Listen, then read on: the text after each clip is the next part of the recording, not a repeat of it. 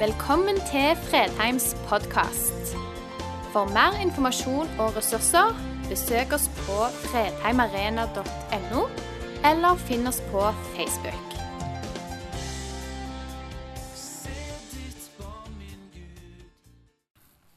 Når vi i dag skal gå inn i eh, fortsette serien om vekst, og eh, som vi har sagt noen ganger før, så snakker vi ikke om vekst denne gangen på en måte mest som vekst i antall, men kanskje mer vekst i dybde og i det indre livet. Og I dag skal vi gå litt inn i Bibelen. Eh, og Når vi snakker om Bibel og bibellesning, og den type ting, så er det fort at mange sitter med den følelsen at 'dette får jeg ikke til'. Eh, dette føler han at den kanskje henger over en som en kristen.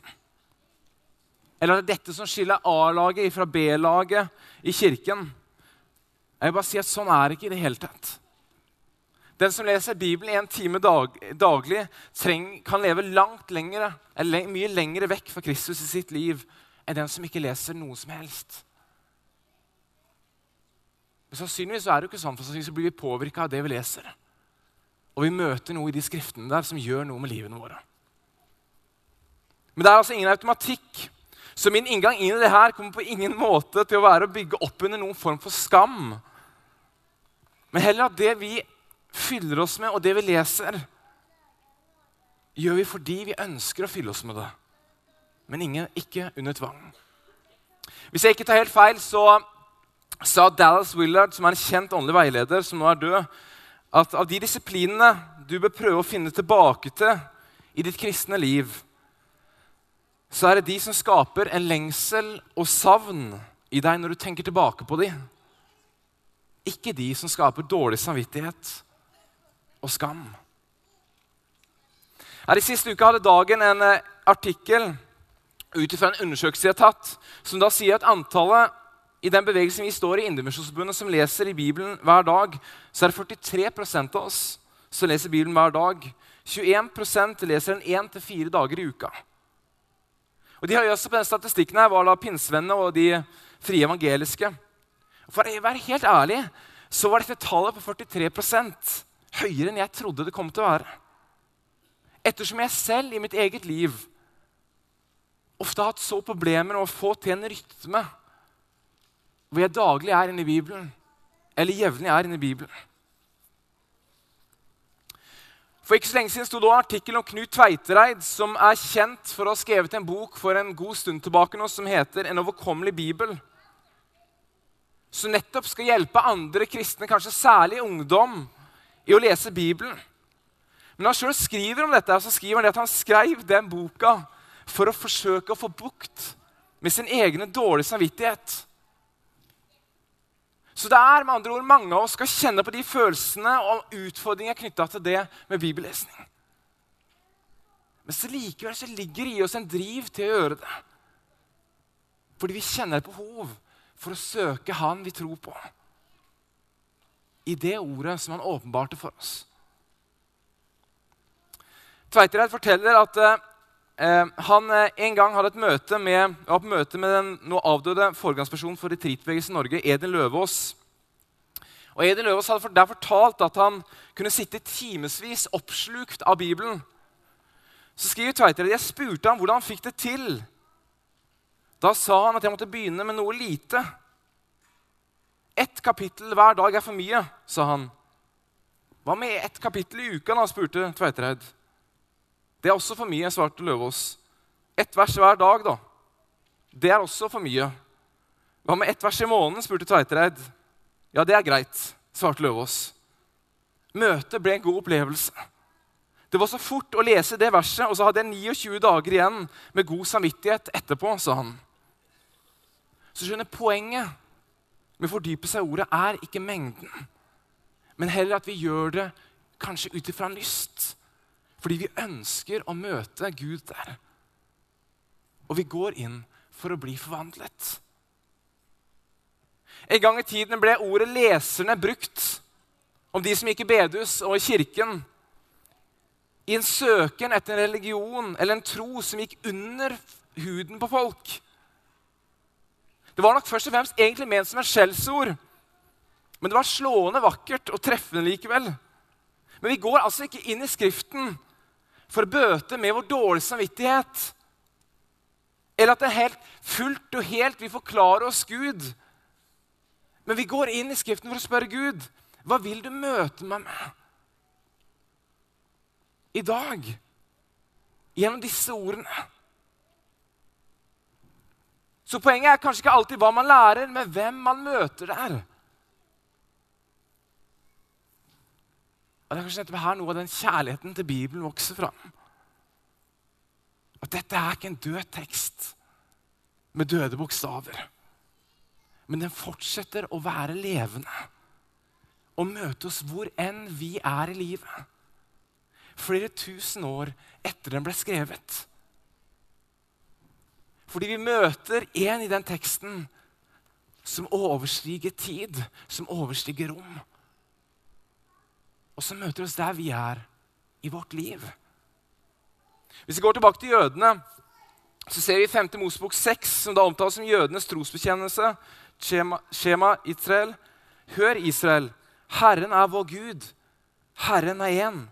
Du skal elske Herren i Gud av hele ditt hjerte og av hele din sjel og av all din makt. Disse ordene som jeg pålegger deg da, skal du bevare i ditt hjerte. Du skal gjenta dem for dine barn, snakke om dem når du sitter i ditt hus, når du går på veien, når du legger deg, når du står opp. Du skal binde dem om hånden som et tegn og ha dem på pannen som et merke.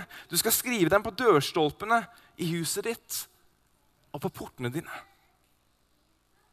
Så hvorfor så opptatt av alle stedene disse ordene skulle skrives ned, hvordan de skulle gjentas, hvordan de skulle videreføres.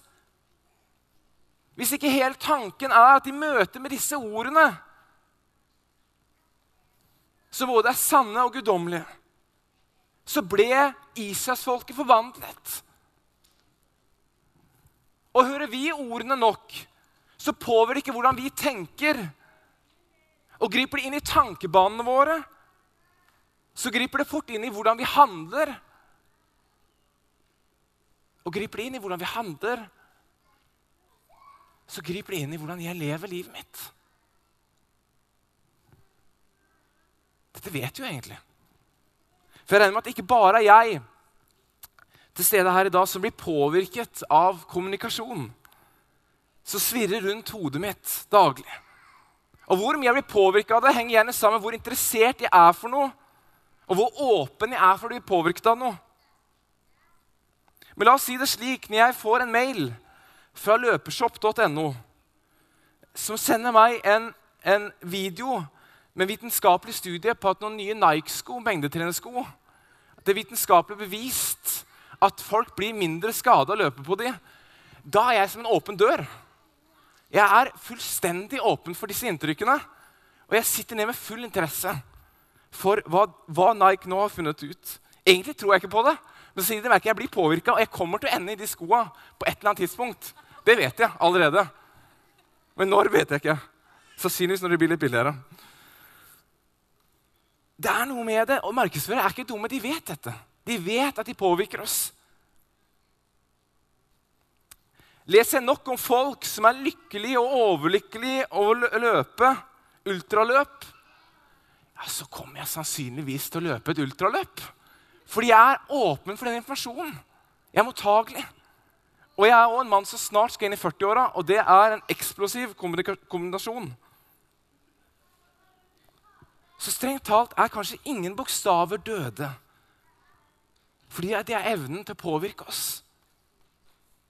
Men som kristne så tror vi at Bibelen står i en særstilling fordi ikke bare er bokstavene levende, men vi møter den levende Gud gjennom dem. Som taler inn i mitt liv der jeg er. På tross av at det som står der, ble skrevet for i en helt annen tid. Så er det relevant inn i mitt liv. Og han fortsetter å tale til meg den dag i dag. Dostojevskij, den russiske forfatteren fra 1800-tallet, som bl.a. skrev 'Brødrene Karmasjov', 'Forbrytelse og straff', kjempekjent og har fortsatt stor innflytelse eh, på eh, både kultur og litteratur og det ene og det andre. Han sa, 'Jeg vil anbefale de å lese gjennom, Bibels, nei, gjennom hele Bibelen i russisk oversettelse.' Det da blir norsk for oss. Så da sier vi, 'Jeg vil anbefale å lese gjennom hele Bibelen i norsk oversettelse.' En kommer til at menneskeheten eier ikke og aldri kan komme i besittelse av noen annen bok av samme betydning. Jeg er ikke den som er mest opptatt av kristen kulturarv. Fordi jeg tror Jesus er mye mer opptatt av mennesker som ønsker å følge ham, enn en kristen kulturarv. Men det er ikke tvil om at Bibelen har møtt så mange mennesker i så mange nasjoner at den har satt utallige spor i nasjoners lovverk, i samfunnet, i hvordan de er bygd opp, i hvordan de tenker. Teksten møter oss. Og det kan gjøre det på underfullt vis. Vi tar to eksempler fra Nytestamentet. Først vi den etiopiske hoffmannen i apostelgjengen 8. Han var i Jerusalem for å tilbe og var vel da det vi kan kalle en proselytt, for han var for å tilbe Gud. Men han var jo sannsynligvis ikke jøde.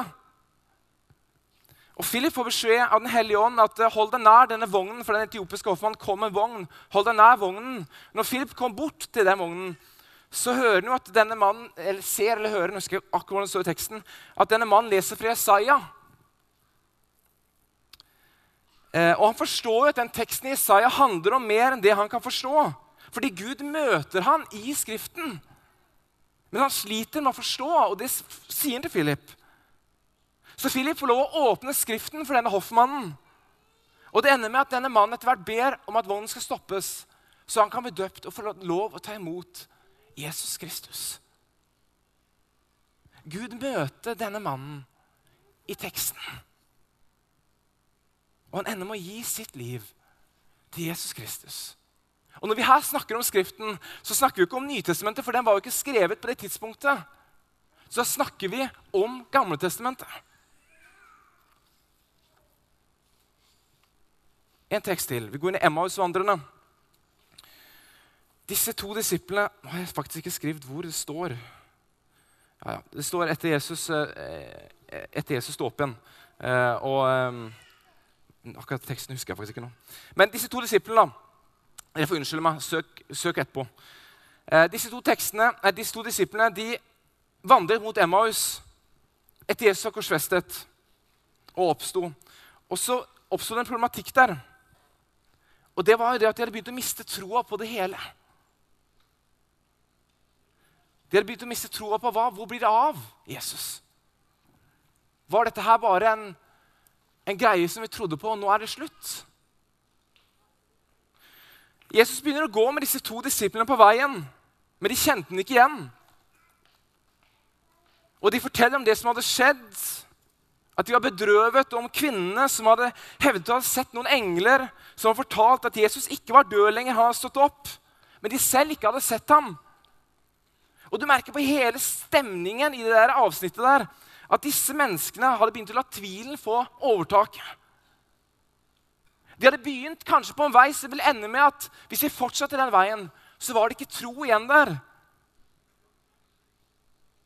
Og hele tiden mens de går der med Jesus, blir de ikke kjent igjen.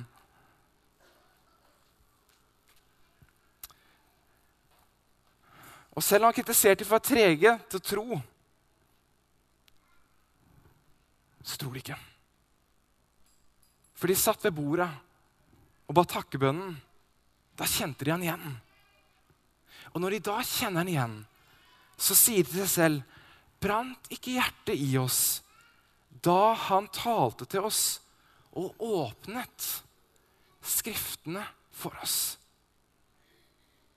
De møtte igjen en i Skriftene som satt hjertene deres i brann.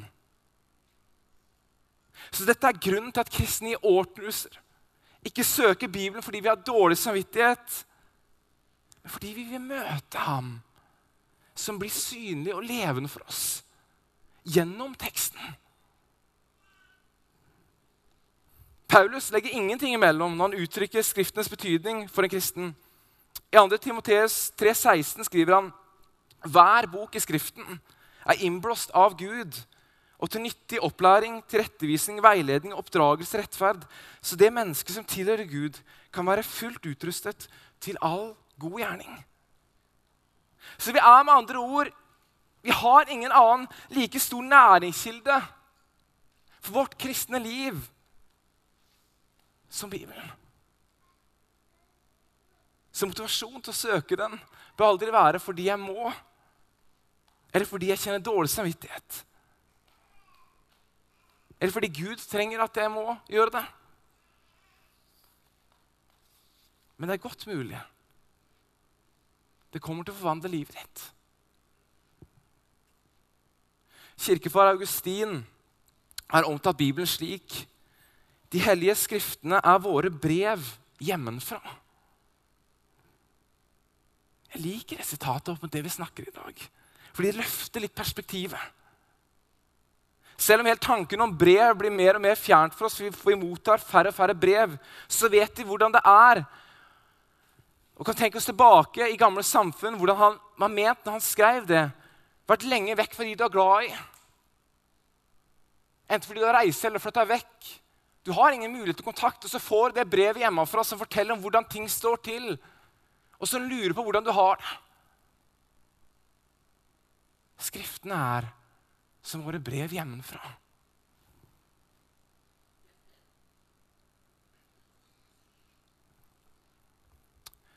Så det er ikke så rart at jødene ble lært opp til å ta dette med seg overalt. Dette definerte hvem de var. Det fortalte både om det å tilhøre, men også om det å være elsket.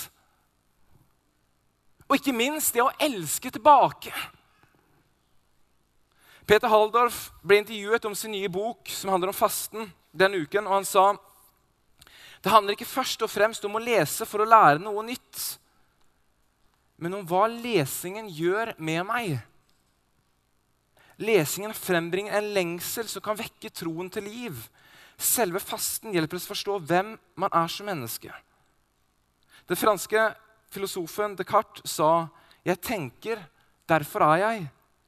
Dette utsagnet former så mye av vår antropologi og vår selvforståelse, men det kristne svaret på spørsmålet er du er elsket. Derfor er det. Det kjente britiske baptistpredikanten fra 1800-tallet, Charles Spurgeon, som fortsatt yter stor innflytelse, sa det slik Ingen vokser noen gang ut av Bibelen. Boken utvides og utdypes med årene. Vi vokser aldri ut av den, men gir stadig nye rom til våre liv ettersom vi blir eldre, ettersom vi får nye erfaringer i livet vårt. Ettersom kanskje vi òg trenger å bli møtt på nye måter. Så åpnes det nye dører som vi kanskje ikke tidligere har sett. Så vi lever våre liv som kristne og som kirke ut ifra dens innhold.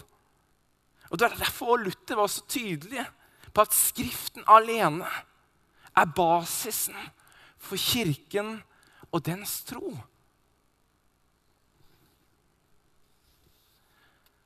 Men det forandrer jo like riktig den oppfatningen at kanskje jeg eller du sitter her i dag og opplever det som temmelig tungt og kjedelig å gå til Bibelen. For noen av oss kan det være å lese bøker som omtaler kristne emner, hver en vei vi går. Eller høre taler. Eller høre lovsang. Og alt dette er kjempebra. Men vi må være klar at det kan aldri erstatte Bibelen. På noen måte, fordi Bibelen er vår primærkilde til både kunnskap, kjennskap og ikke minst møte med Gud. Så målet vårt må heller være da å møte Gud i Bibelen med lyst. Istedenfor ut fra dårlig samvittighet laber motivasjon. Og Der syns jeg historien med Løvaas er fin. Han la ikke et press på Tveitereid, men han skapte heller et positivt innsteg. Spørsmålet var ikke mengden, Men hva skal til for at du har lyst til å gå inn i det? Hva skal til for at du har lyst til å gå inn og møte Gud der?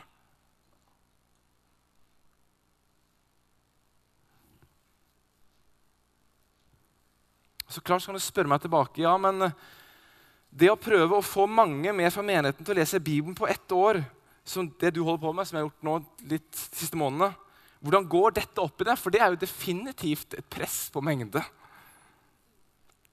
For å være helt ærlig så er nok svaret for min del at sånn jeg er bygd, så gjør jeg det enten på den måten at jeg må ha faste planer som jeg følger, eller så detter jeg ut av det. For jeg klarer ikke noe annet enn å gå inn rytmer i det. Og så vil jeg anta at sannsynligvis det er flere som er som meg, og så gir jeg da dere mulighet til å være med på det.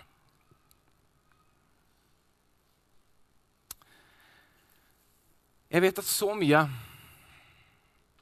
Og det er grunnen til at jeg ikke gjør det for dårlig samvittighet, men fordi at jeg har lyst til det. Det er fordi jeg vet så mye av de inntrykkene og stemmene jeg møter i løpet av en dag, handler om helt andre ting enn om tro. Hvem som elsker meg hvem som ga livet sitt for meg. Og det er stemmer i stor grad jeg elsker og jeg liker. Jeg liker de mailene fra Løpershop. Jeg er sykt interessert når jeg får de mailene fra Løpershop. Men det gjør også at jeg vet at jeg trenger å møte den stemmen i livet mitt som forteller meg hvem jeg er. Hvem jeg tilhører, hvor jeg kommer ifra. Disse brevene fra hjemmefra. Hvor jeg vet at Gud kan møte meg på nytt og på nytt. Og jeg gir han et talerør inn i livet mitt til å forme meg. For vi blir formet av alt rundt oss. Men jeg trenger òg å bli formet av Han. For det er Han jeg ønsker å tilhøre. Det er Han jeg ønsker å følge med mitt liv.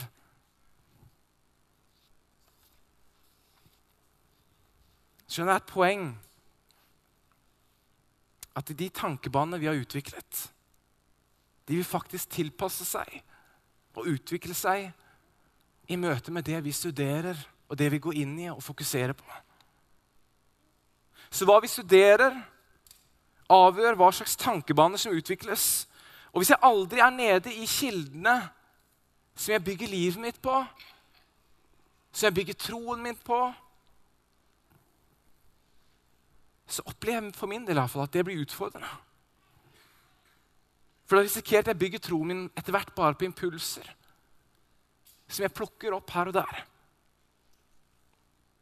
Og at jeg ikke lenger henter de i møte med Han. Strengt talt så vet jeg ikke om det å lese Bibelen på ett år år etter år er den mest gunstige måten å gjøre det på. Jeg tror egentlig ikke det er den mest gunstige måten å gjøre det på. Men det funker for meg nå. Så spørsmålet til deg vil jo være hva kan funke for deg? Hva vil gjøre at du har lyst til å gå inn i det? Ikke ha dårlig samvittighet. Men ja, jeg har faktisk lyst til å møte Gud i disse tekstene. Jeg har lyst på den påvirkningen. Hva skal til for deg?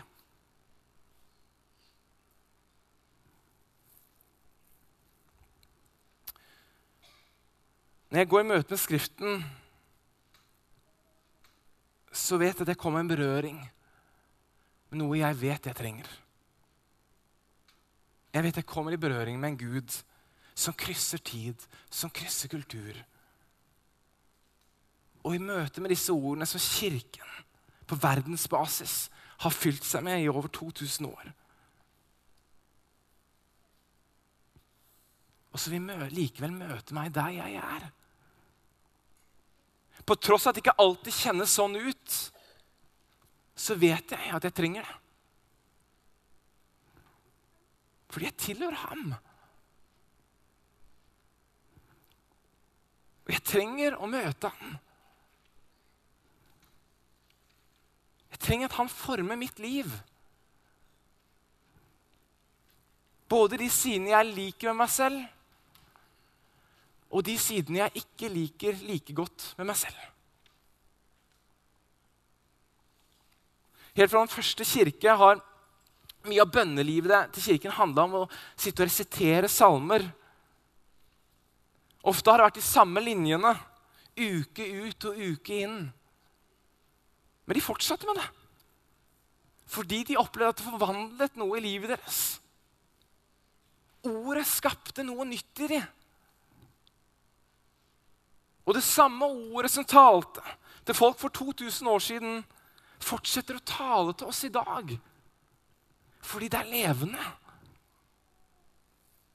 Først og fremst fordi vi møter en som er levende i det. Kanskje var det ikke så rart at Dostojevskij sa nettopp det. En kommer til at menneskeheten eier ikke og aldri kommer i besittelse av noen annen bok av samme betydning. Invitasjon er gitt, men ikke invitasjon til skam, dårlig samvittighet eller burde. Men invitasjon til dersom vi har lyst, dersom vi ønsker det, til å møte Gud et sted vi vet han alltid er å møte gjennom hele historien. Hvor han fortsetter å skape i sin kirke. Ikke ut fra hvor mye vi leser, men kanskje mer ut fra hvorfor kommer vi for å møte ham.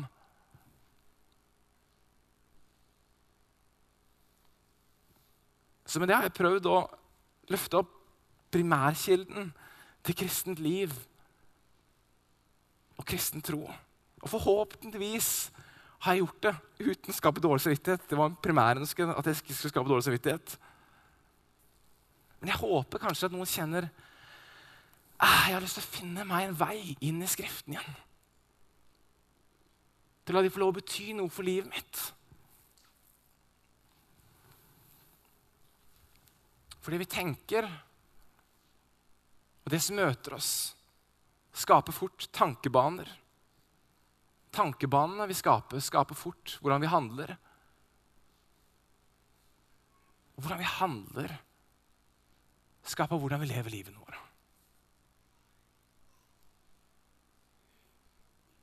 Jeg ønsker å følge Jesus Kristus.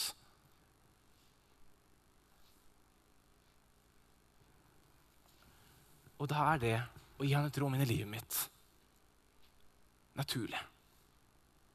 Men hvordan det ser ut, tror jeg ikke vi skal gå inn i gjennom dårlig samvittighet. Men gjennom at vi finner ut ok, hvis jeg gjør det på denne måten, så kjenner jeg faktisk at jeg har lyst. Ja, men så gjør jeg på den måten. Og la ham få lov å møte deg der du er. Vi ber. Kjære Jesus. Takk fordi at du har eh, gjort det sånn at det er så konkret å møte deg som gjennom det ordet du ga oss, som forteller hvem du er, hva du har gjort, og hvor høyt du elsker oss, hvilke planer du har for våre liv, Jesus. For nå skal jeg be deg for denne, eh, det budskapet her, Jesus. Jeg ber deg for at Hvis det er noe her som har skapt dårlig samvittighet, eh, så har jeg bomma på det jeg skulle gjøre, og da ber jeg om at det faller dødt i jorda. Men jeg ber Jesus at hvis det er noen sånn frø som, kan, som har festa seg i forhold til det å skape et engasjement og en lyst til å møte deg i Skriften, Jesus At du må la det få lov å vokse fram i livene til oss. Og la oss få lov å erfare at vi faktisk blir møtt gjennom de ordene som ble forma for mange tusen år siden. Jesus.